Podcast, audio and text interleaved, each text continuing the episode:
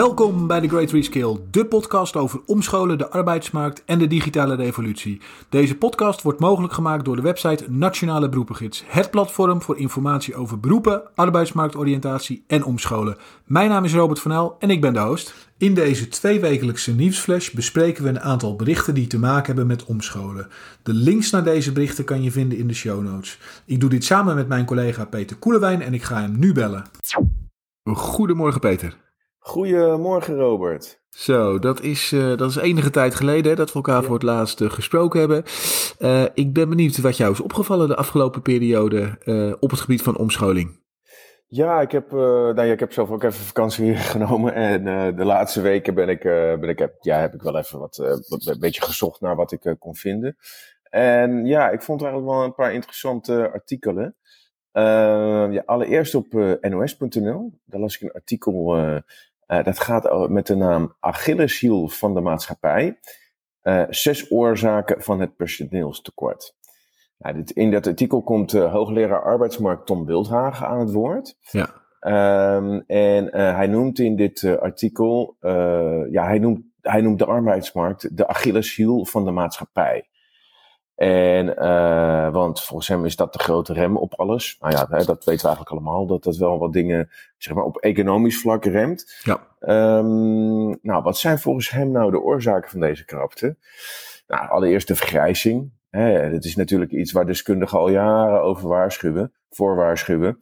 En, uh, nou ja, wat is vergrijzing eigenlijk? Nou, dat betekent gewoon dat er meer mensen met pensioen gaan dan er op de arbeidsmarkt bijkomen. Um, en er zijn gewoon een aantal sectoren waar uh, een hoge vergrijzing uh, speelt. Dus bijvoorbeeld overheid, uh, het onderwijs en transport. Ja, daar zit dus, dat zijn dus, het onderwijs was al een krappe sector. Nou, overheid, daar komt nu wat extra krapte bij. Ja. transportsector staat ook eigenlijk al jaren onder druk. en vergrijzing, ja, helpt daar niet in mee. Duidelijk, ja. ja. Ja, um, even kijken, hè, het is natuurlijk ook hè, de babyboomers, uh, uh, wordt al jaren over gesproken, maar al zouden dat er niet zijn, uh, loopt het toch op, de vergrijzing. Want ja, eigenlijk, er zijn gewoon steeds, hè, al, al decennia lang, worden er gewoon minder kinderen geboren. Ja, ja, ja. ja. ja onderaan de streep, hè, er stromen meer mensen uit uh, dan dat er instromen. Hè, en en, en uh, door de vergrijzing. Ja, en dat is, dat is zeker een van de problemen, absoluut. Ja, precies. Een ander ding is uh, deeltijd werken. Ja. ja. Nederland is gewoon kampioen deeltijd werken. Um, de arbeidsparticipatie is heel erg hoog in Nederland, hè? ook onder vrouwen. Ja. Uh, maar de meeste, of ja, zeg maar het merendeel van de vrouwen, uh, de meerderheid, ja, die werkt gewoon parttime. Ja. Uh, zijn natuurlijk ook met andere dingen bezig. Hè? Je moet huishouden bijvoorbeeld, zorg voor de kinderen, mantelzorg. Het zijn natuurlijk ook belangrijke dingen die gedaan moeten worden. Je kan veel vrouwen ook niet gewoon verwachten dat ze fulltime aan het werk zijn. Dus dat is misschien ook niet een probleem wat zo op te lossen is. Uh, nou, verder de flexibele arbeidsmarkt. Uh, Nederland is ook daar kampioen. Kampioen flexwerken. Um, nou ja, wat zijn flexwerkers? Dat zijn natuurlijk uh, werknemers zonder vast contract. Uh, uitzendkrachten, oproepkrachten, tijdelijke contracten worden daar ook in meegenomen. Is misschien niet helemaal zuiver. Maar als je bijvoorbeeld kijkt naar, als je eerst ZZP'ers meeneemt, dan is in Nederland vier op de tien werkenden een flexwerker. Ja, dat is veel hè? Dat is ja. echt heel veel. Ja. Ja, als je daar dan ook nog het aantal deeltijdwerkenden bij optelt, dan is dat 6 op de 10. Dus 6 op de 10 van de, van de werkenden is in Nederland, hè, volgens uh, Wildhagen noemt dat atypisch. En dat betekent eigenlijk, hè, dat, dat wijkt af van de norm voltijd met arbeidscontract. Ja. Dus uh, er zou in principe geen probleem moeten zijn. Maar in Nederland is dat wel, want er, is gewoon, er zijn gewoon een aantal zaken niet goed geregeld. Weet je, flexwerkers krijgen minder betaald, krijgen minder scholing, hebben minder goede pensioenopbouw. En waar het eigenlijk op draait is flexwerkers zijn gewoon een soort van tweederangs werknemers. Hè? Ja. Uh, als het in, in, in moeilijke tijden worden ze makkelijk ontslagen. Of in tijden van krapte, hè, zoals nu, vertrekken ze zelf, want dan krijgen ze snel een beter aanbod. Ja. En ja, eigenlijk de meeste flexwerkers, dat zijn vrouwen, migranten of, uh, of praktisch opgeleiden. En praktisch opgeleiden zijn eigenlijk al van zichzelf al kwetsbaar. Ja. Uh, dus ja, wat, wat speelt eigenlijk ook mee? Um, zeker in dit jaar een heel hoog ziekteverzuim. Uh, je ziet echt een enorme piek. Uh, op dit moment is het 6,3 procent. Dat zegt misschien niks, maar als je dat vergelijkt dat dat gemiddeld 4,8 procent was over de jaren. Hiervoor, ja. is dat wel echt een enorme piek. Dat is fors. Ja. Heel fors, veel. Uh, Wildhagen die heeft het over corona. Maar ja, als ik zelf naar die statistieken kijk, krijg ik een heel ander beeld. Want je ziet in 2020 zie je wel een piekje, zeg maar. Maar die is niet veel hoger dan 2018. Ja. 2021 is het ziekteverzuim weer lager. En nu is het echt, ja, rijst de pan uit. Okay. Ja, uh, okay. Op dit moment. Ja. En uh, staat gewoon anderhalf procent hoger dan vorig jaar. Uh, nou, volgens mij kan dat niet aan corona liggen, maar het is misschien wel stress. Hè, overwerktheid, hè. er is Ja. een arbeidskrachten. Of misschien hè, voor sommige mensen, er zijn toch wel minder goede vooruitzichten. Dus dat zal misschien ook wel meespelen. Dat zal wellicht meespelen. Ja, ja, Ja, ja. ja, ja. Uh, ander ding, de arbeidsproductiviteit. Uh, die groeit niet zo meer. Nou ja, dat, arbeids, arbeidsproductiviteit is hè, van hoeveel levert bepaald werk op. Ja. Dus dat verhoog je als je met dezelfde mensen meer werk kan doen. En uh, dat heeft, is de afgelopen jaren altijd gestegen, gestegen, gestegen, maar nu niet meer. En soms daalt het zelfs een beetje. Ja. Um, even, ja, dat, we, we hebben bijvoorbeeld een grotendeels een diensteconomie. En volgens Wildhagen is ja, automatisering en efficiëntieverbetering heeft daar minder impact. Uh, dat is volgens hem een van de redenen. Ja. Um, ja, als je het vergelijkt met andere landen, zie je het stijgen. Bijvoorbeeld in de VS stijgt het heel hard en hier, hier op dit moment niet.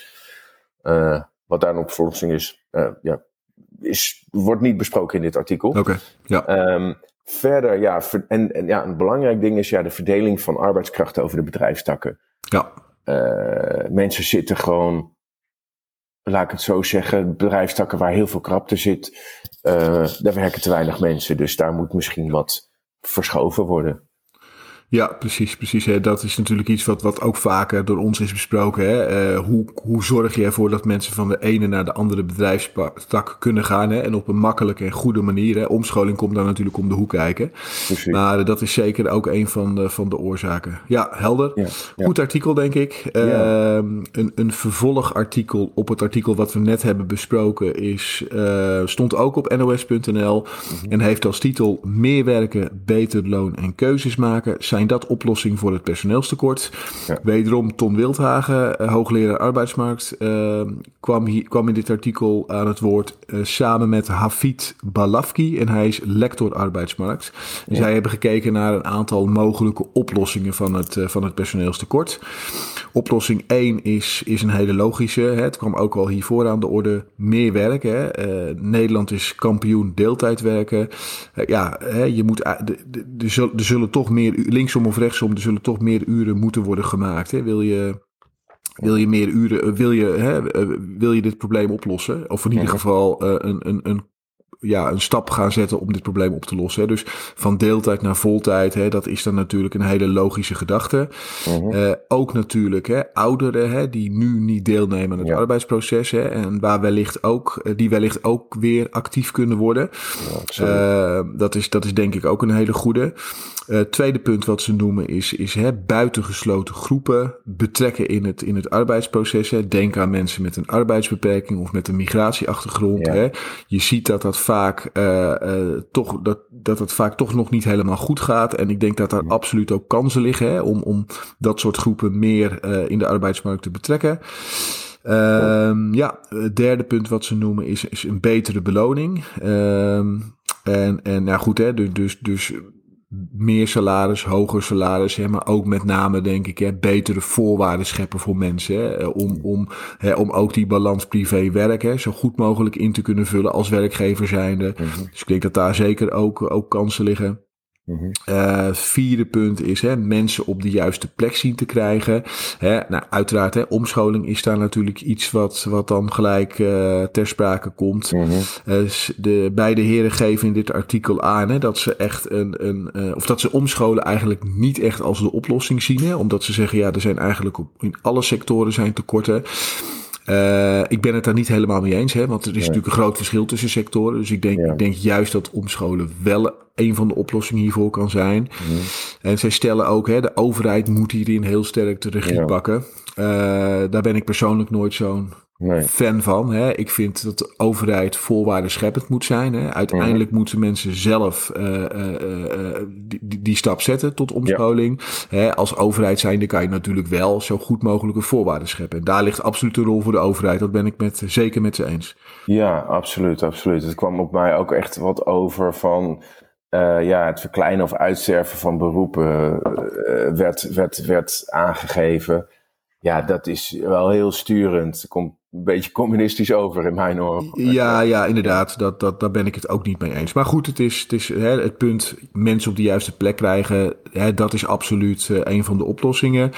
Eh, het vijfde punt wat ze noemen is automatisering. Hè. Dus, dus hoe kan je eh, middels technologie hè, banen op een andere manier invullen... zodat er meer output eigenlijk kan worden geleverd? Nou, uiteraard een, een goed punt. En punt 6, arbeidsmigranten, eh, Ja. ook al besproken. Hè? Ehm, eh, arbeidsmigranten kunnen natuurlijk eh, helpen hè? Met, het, met het invullen van de personeelstekorten. Hè, het punt wat hier ook wordt genoemd, hè? je moet ze natuurlijk wel iets kunnen bieden. Hè? Er moet natuurlijk ook huisvesting zijn. Hè? We hebben nu grote problemen met huisvesting in Nederland. Hè? Dus als je A zegt, moet je ook B zeggen. Hè? Dus of je moet mensen iets eh, echt iets kunnen aanbieden, ja, of, of, of niet. Hè. Het is niet, het, het, het, het kan, je kan het niet los van elkaar zien. Hè. Als je mensen, als je arbeidsmigranten eh, eh, banen aanbiedt, moet je ze uiteraard ook hu- huisvesting en dergelijke kunnen aanbieden. Dus dat is een lastig vraagstuk.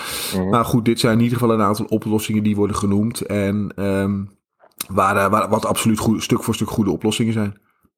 Ja, absoluut. Nou ja, wat, wat hier wel een, een, een puntje is, dat bijvoorbeeld eh, asielzoekers die er al een hele tijd zitten, eh, die, die worden eigenlijk buitengesloten van, van, de, van, de, van de arbeidsmarkt. Ja, Eh, een van de oplossingen die hierin nog niet genoemd is, is dat, zeker voor arbeidsmigranten of, of asielzoekers, dat diploma's hier niet erkend worden. Ik heb, een keer Ja. met, ik heb een keer in de taxi gezeten met een, een, een, een dokter uit Iran. En eh hoogopgeleide. En hij reed de taxi. Hij Ja. was de chauffeur, omdat zijn papieren hier niet Niet erkend schuldig. Ja, ja. Ja. ja, dat, dat zijn dingen die. eh, ja, daar, daar, daar moet iets aan gedaan worden. En, Ja. en weet je, dat, dat als. eh, Ik, ik denk dat lijkt me ook niet een heel groot issue om hè, vast te kunnen stellen hè, dat zo'n opleiding tot arts in Iran, hè, dat dat geldig is, dat dat valide is. Hè, dat je Ja. dat dus om kan zetten en ook kan gebruiken in Nederland. Hè. Dat, dat zou geen heel groot probleem moeten zijn, lijkt mij. Zou, precies, lijkt Ja. mij ook. Precies. Ja, Goed, ja, ja. Dat, eh, in ieder geval een goed en interessant artikel. Ja, stof tot nadenken. Ja, Absoluut, absoluut. ja. Ja, ik kwam nog een eh, interessant artikel tegen ehm, eh, op ORNet met de titel Komt stap goed terecht? Nou, dit gaat over eh, de stap, ehm, eh, stapsubsidie, of weet het? Ja, Ja. eh, stimulering arbeidsmarktpositie. Hebben we ook al vaker besproken. Ook wat kritisch naar gekeken. Ook in dit artikel wordt er kritisch naar gekeken. Zelf ben ik heel eerlijk gezegd ook niet een, een, een fan van deze regeling. Ik vond wat er hiervoor was eigenlijk veel beter. Ja. Nou, wat is de stapsubsidie?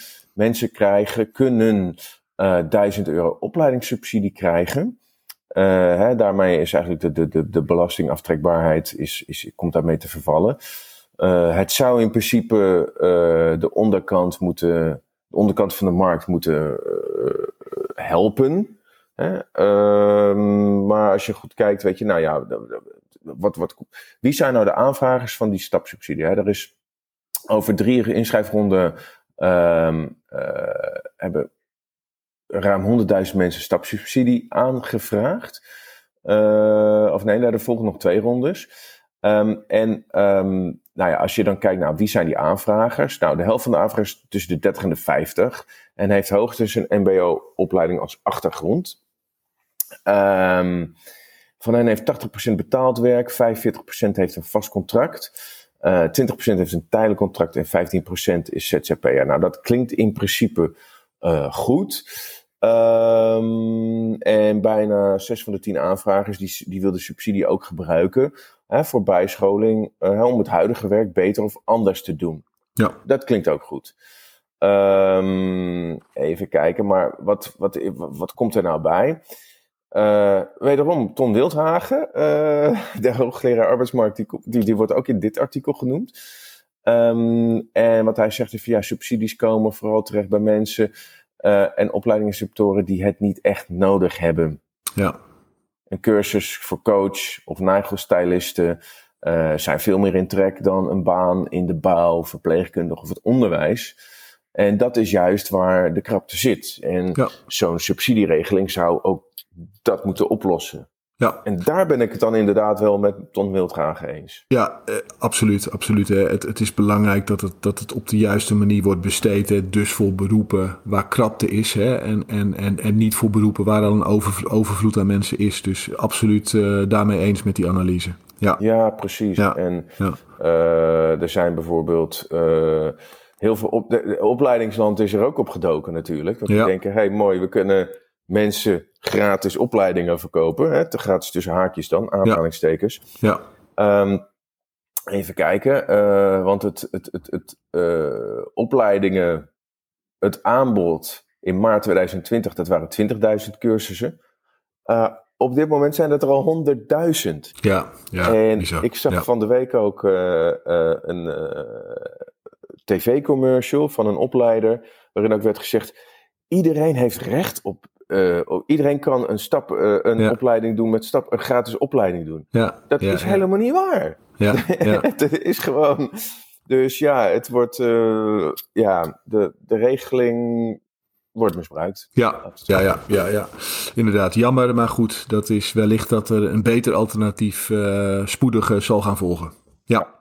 Ja. Ja, Ehm, even kijken. Ik kwam op HR-praktijk een artikel tegen. Werkgevers vinden het moeilijk om kandidaten met de juiste ervaring te vinden. Het is een onderzoek uitgevoerd door SD Works over onder vier- eh, 4300 Europese bedrijven. Eh, de conclusies die daaruit komen zijn: 54% van de werkgevers heeft moeite om nieuwe medewerkers aan te trekken. En 52% heeft moeite om. ehm, het bedrijf zeg maar als een aantrekkelijke werkgever neer te zetten. Hè? Dus die, die war for talent, hè? Dat, dat blijkt, ook, blijkt, blijkt ook uit deze, cijfer, uit, de, ja, uit deze cijfers eigenlijk. Hè, wat je ziet is, wat wel interessant, eh, interessant is om te zien, is dat je, dat je een verschil ziet tussen Nederland enerzijds en de rest van Europa anderzijds. Hè? Dus ik noemde die 54%, dat is dan specifiek voor Nederland. Hè? Dus, dus de Nederlandse werkgevers. In Europa ligt dat cijfer iets lager, 47%. Hè? Dus in Nederland lijkt het zo te zijn dat werkgevers toch nog meer moeite hebben dan me- medewerkers aan te trekken dan in andere Europese landen. Eh, uitschieters overigens in Europa zijn België en Ierland. Hè? Als landen waar het blijkbaar nog moeilijker is om mensen te vinden dan Nederland. Dus dat, eh, dat, dat wist ik niet. Maar blijkbaar is het in die landen nog lastiger. Eh, hè, wat, eh, ja, profielen, dat, dat, dat komt ook ter sprake. Geen geschikte profielen. Dus je hebt natuurlijk, laten we even zeggen, de oude profielen en de nieuwe profielen. Hè. En, en als je kijkt naar de afgelopen jaren zijn natuurlijk hè, allerlei nieuwe businessmodellen ontstaan. Hè. En is de digitalisering steeds verder, heeft zich steeds verder doorontwikkeld.